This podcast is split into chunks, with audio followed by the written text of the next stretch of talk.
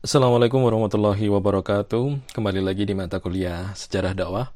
Yang kali ini kita akan membahas tentang dakwah Khulafaur Rasyidin.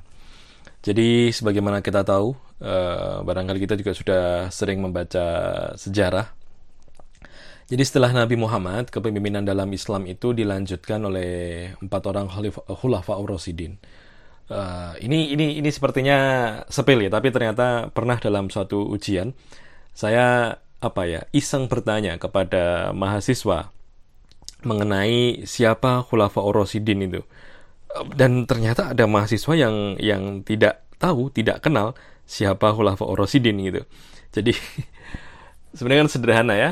Abu Bakar Umar Utsman Ali gitu. Empat orang itu gitu ya tidak tidak ada yang lain.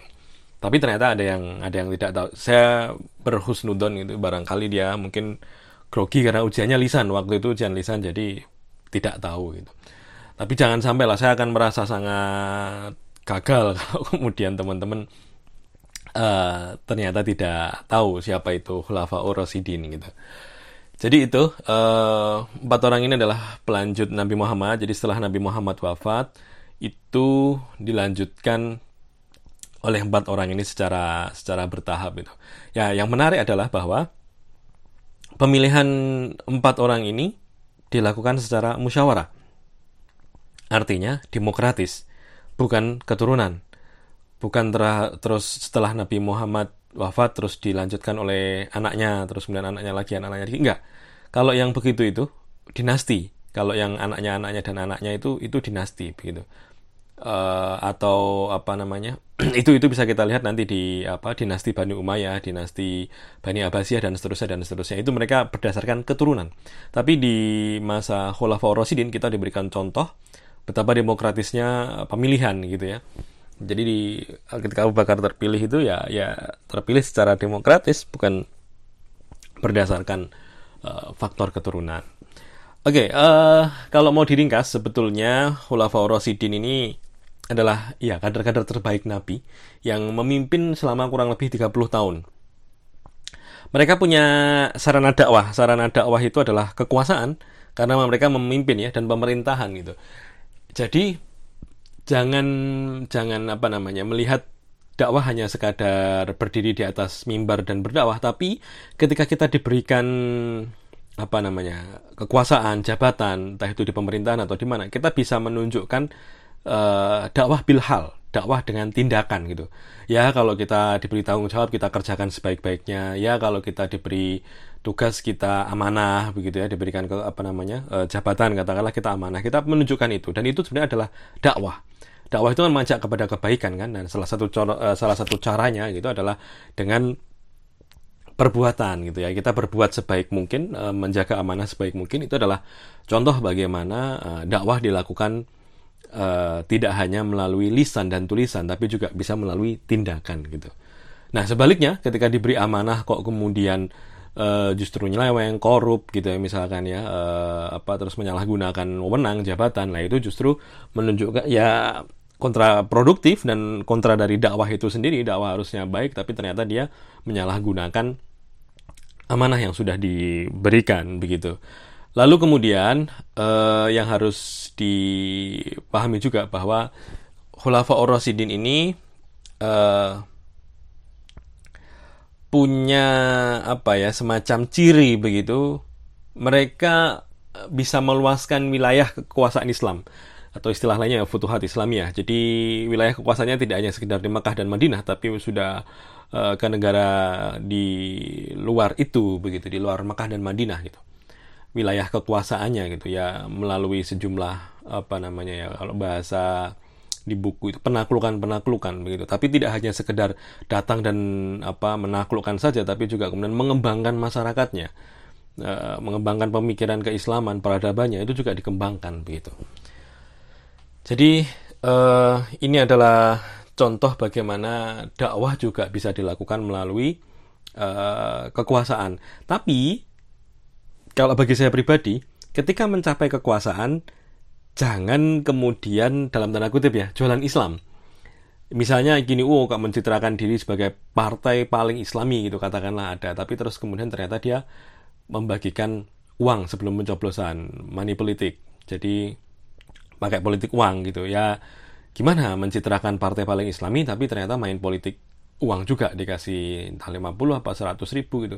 Dalam tanda kutip jualannya selalu Islam tapi kemudian uh, apa namanya ya dia dia ya menodai Islam bagi saya menodai Islam itu jelas dia mengaku paling islami, paling soleh, tapi ternyata ya politik uang juga gitu. Nah, bagi saya justru kalau dalam politik itu Islam harusnya sudah menjadi nilai, sudah menyerap, sudah meresap menjadi nilai gitu.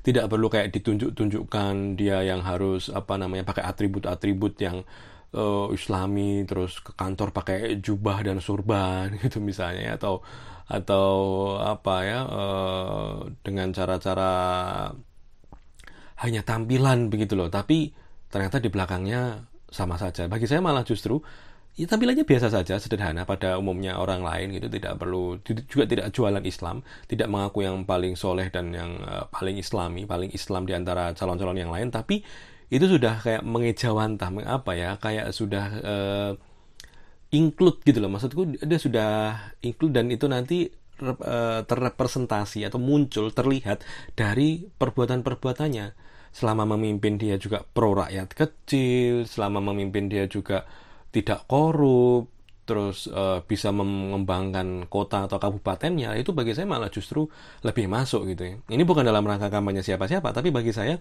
uh, apa ya tidak hanya di simbol-simbol di luar saja, tapi harusnya sudah mengejawantah menjadi satu laku begitu loh. Islam itu saya pikir sudah sudah sampai di level itu itu bukan hanya sekedar tampilan-tampilan luarnya aja yang seolah islami tapi ternyata dalamnya ya sama aja gitu ya.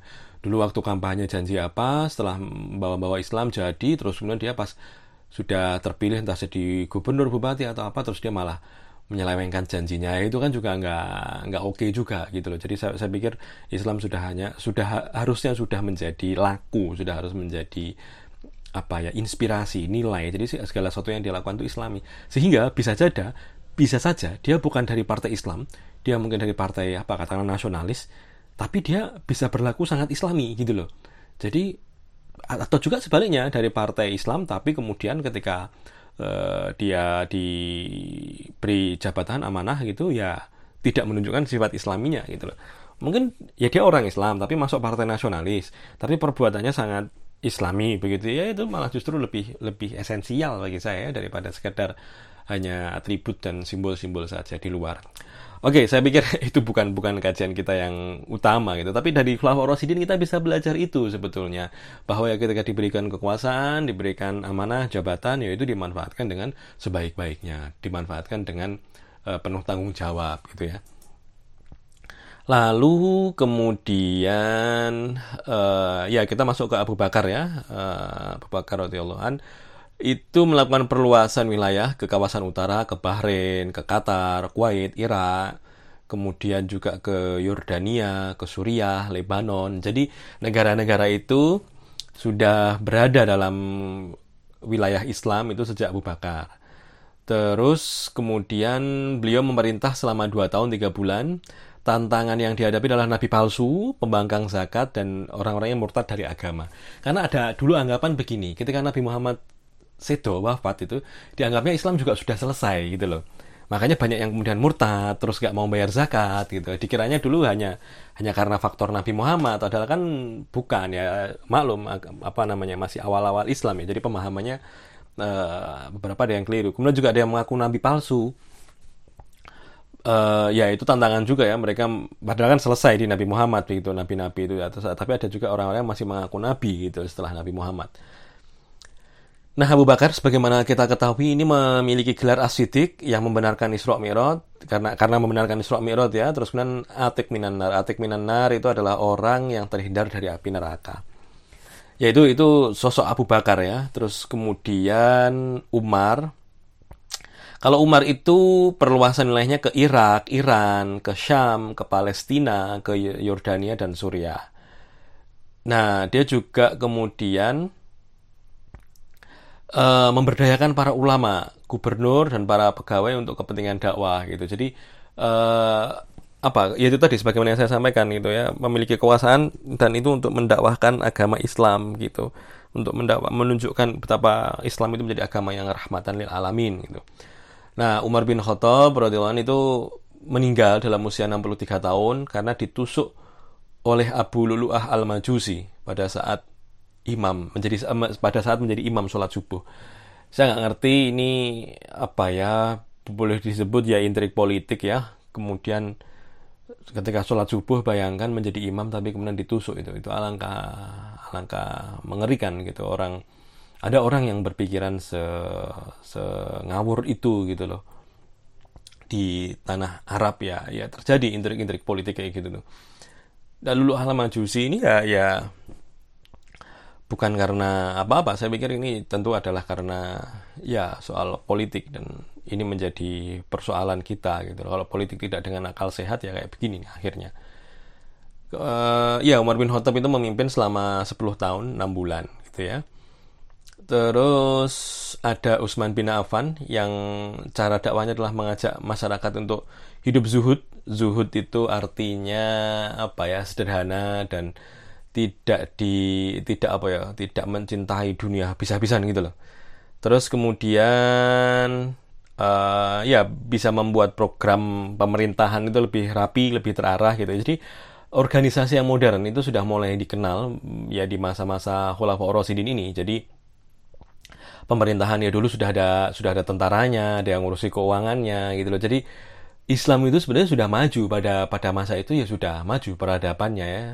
Apalagi nanti kalau kita baca Umayyah, Abbasiyah, apalagi itu sebenarnya peradaban Islam sangat maju sekali gitu. Meskipun hari ini seolah-olah Islam itu adalah agama yang sangat tertinggal gitu misalnya. Padahal enggak juga gitu loh. Secara sistem pemerintahan, organisasi pemerintahan itu sudah cukup oke okay di masa itu. Usman bin Affan kita juga kenal sebagai saudagar yang dermawan ya, orang kaya yang dermawan gitu. Terus kemudian perluasan wilayahnya itu eh, Barat Afrika, eh, Mesir, Afghanistan, Azerbaijan, Siprus ya di masa Utsman bin Affan. Kemudian ada Ali bin Abi Thalib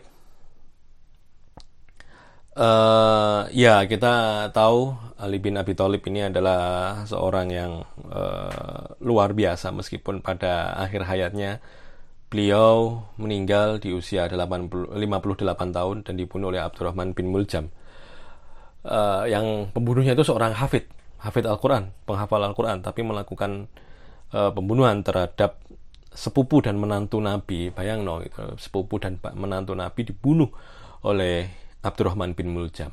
Ini kira-kira kalau kita apa ekstrim dalam beragama itu ya begini ini. Bagaimana mungkin ya sebenarnya ya penghafal Quran membunuh uh, menantu Nabi itu sebenarnya tidak masuk akal tapi itu terjadi itu real kejadian nyata gitu dan uh, ya lagi-lagi politik intrik politik gitu. Jadi ya kita bersyukur Indonesia meskipun dulu waktu pilpres sempat sangat panas, tapi kemudian bisa reda dan dan sudah selesai gitu ya tidak terhitung berapa orang yang kemudian pedot pas seduluran, pedot kekancan gara-gara pilpres kemarin gitu loh. Karena politik memang adalah sesuatu hal yang sensitif, bahkan itu sampai bunuh-bunuhan begitu gitu ya. Itu itu itu ngeri juga sebetulnya. Makanya kita harus harus menghindari yang semacam-semacam itu.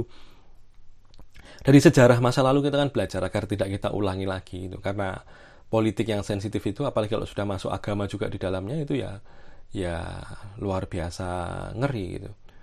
Nah, politik campur agama jadi adonan yang kemudian digoreng sedemikian rupa itu menjadi gorengan yang paling laku sebetulnya gitu kan. Ya itu itu tentang khulafa Rasidin uh, yang kalau kita simpulkan ya bahwa di masa lampau itu Islam bisa berkembang jauh dari kota tempat dia lahir sampai ke negara-negara tetangga bahkan ke seluruh dunia. Itu ya harus menggunakan metode dakwah yang tepat begitu dan Uh, juga karena memang Islam ini adalah agama dengan nilai-nilai luhur gitu ya. Uh, agama yang luar biasa ya kita diajarkan banyak banyak sekali nilai-nilai penting yang kemudian diajarkan dalam Islam untuk bersifat welas asih penuh kasih sayang menghormati orang tua terus apalagi menghormati perempuan terus makan makanannya hanya yang halal terus ya itu semuanya diatur semuanya diatur.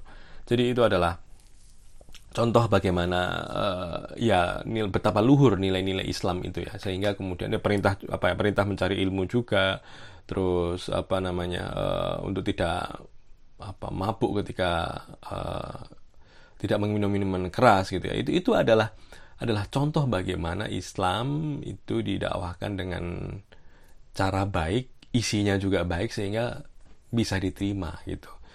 Jadi itu yang yang bisa kita pelajari dari Hulafa Orosidin dari para pendahulu Nabi gitu. Dan kalau mau dikupas itu kan sebenarnya bisa menjadi sangat buku yang tebal-tebal itu ada buku tentang Umar itu satu buku tebal.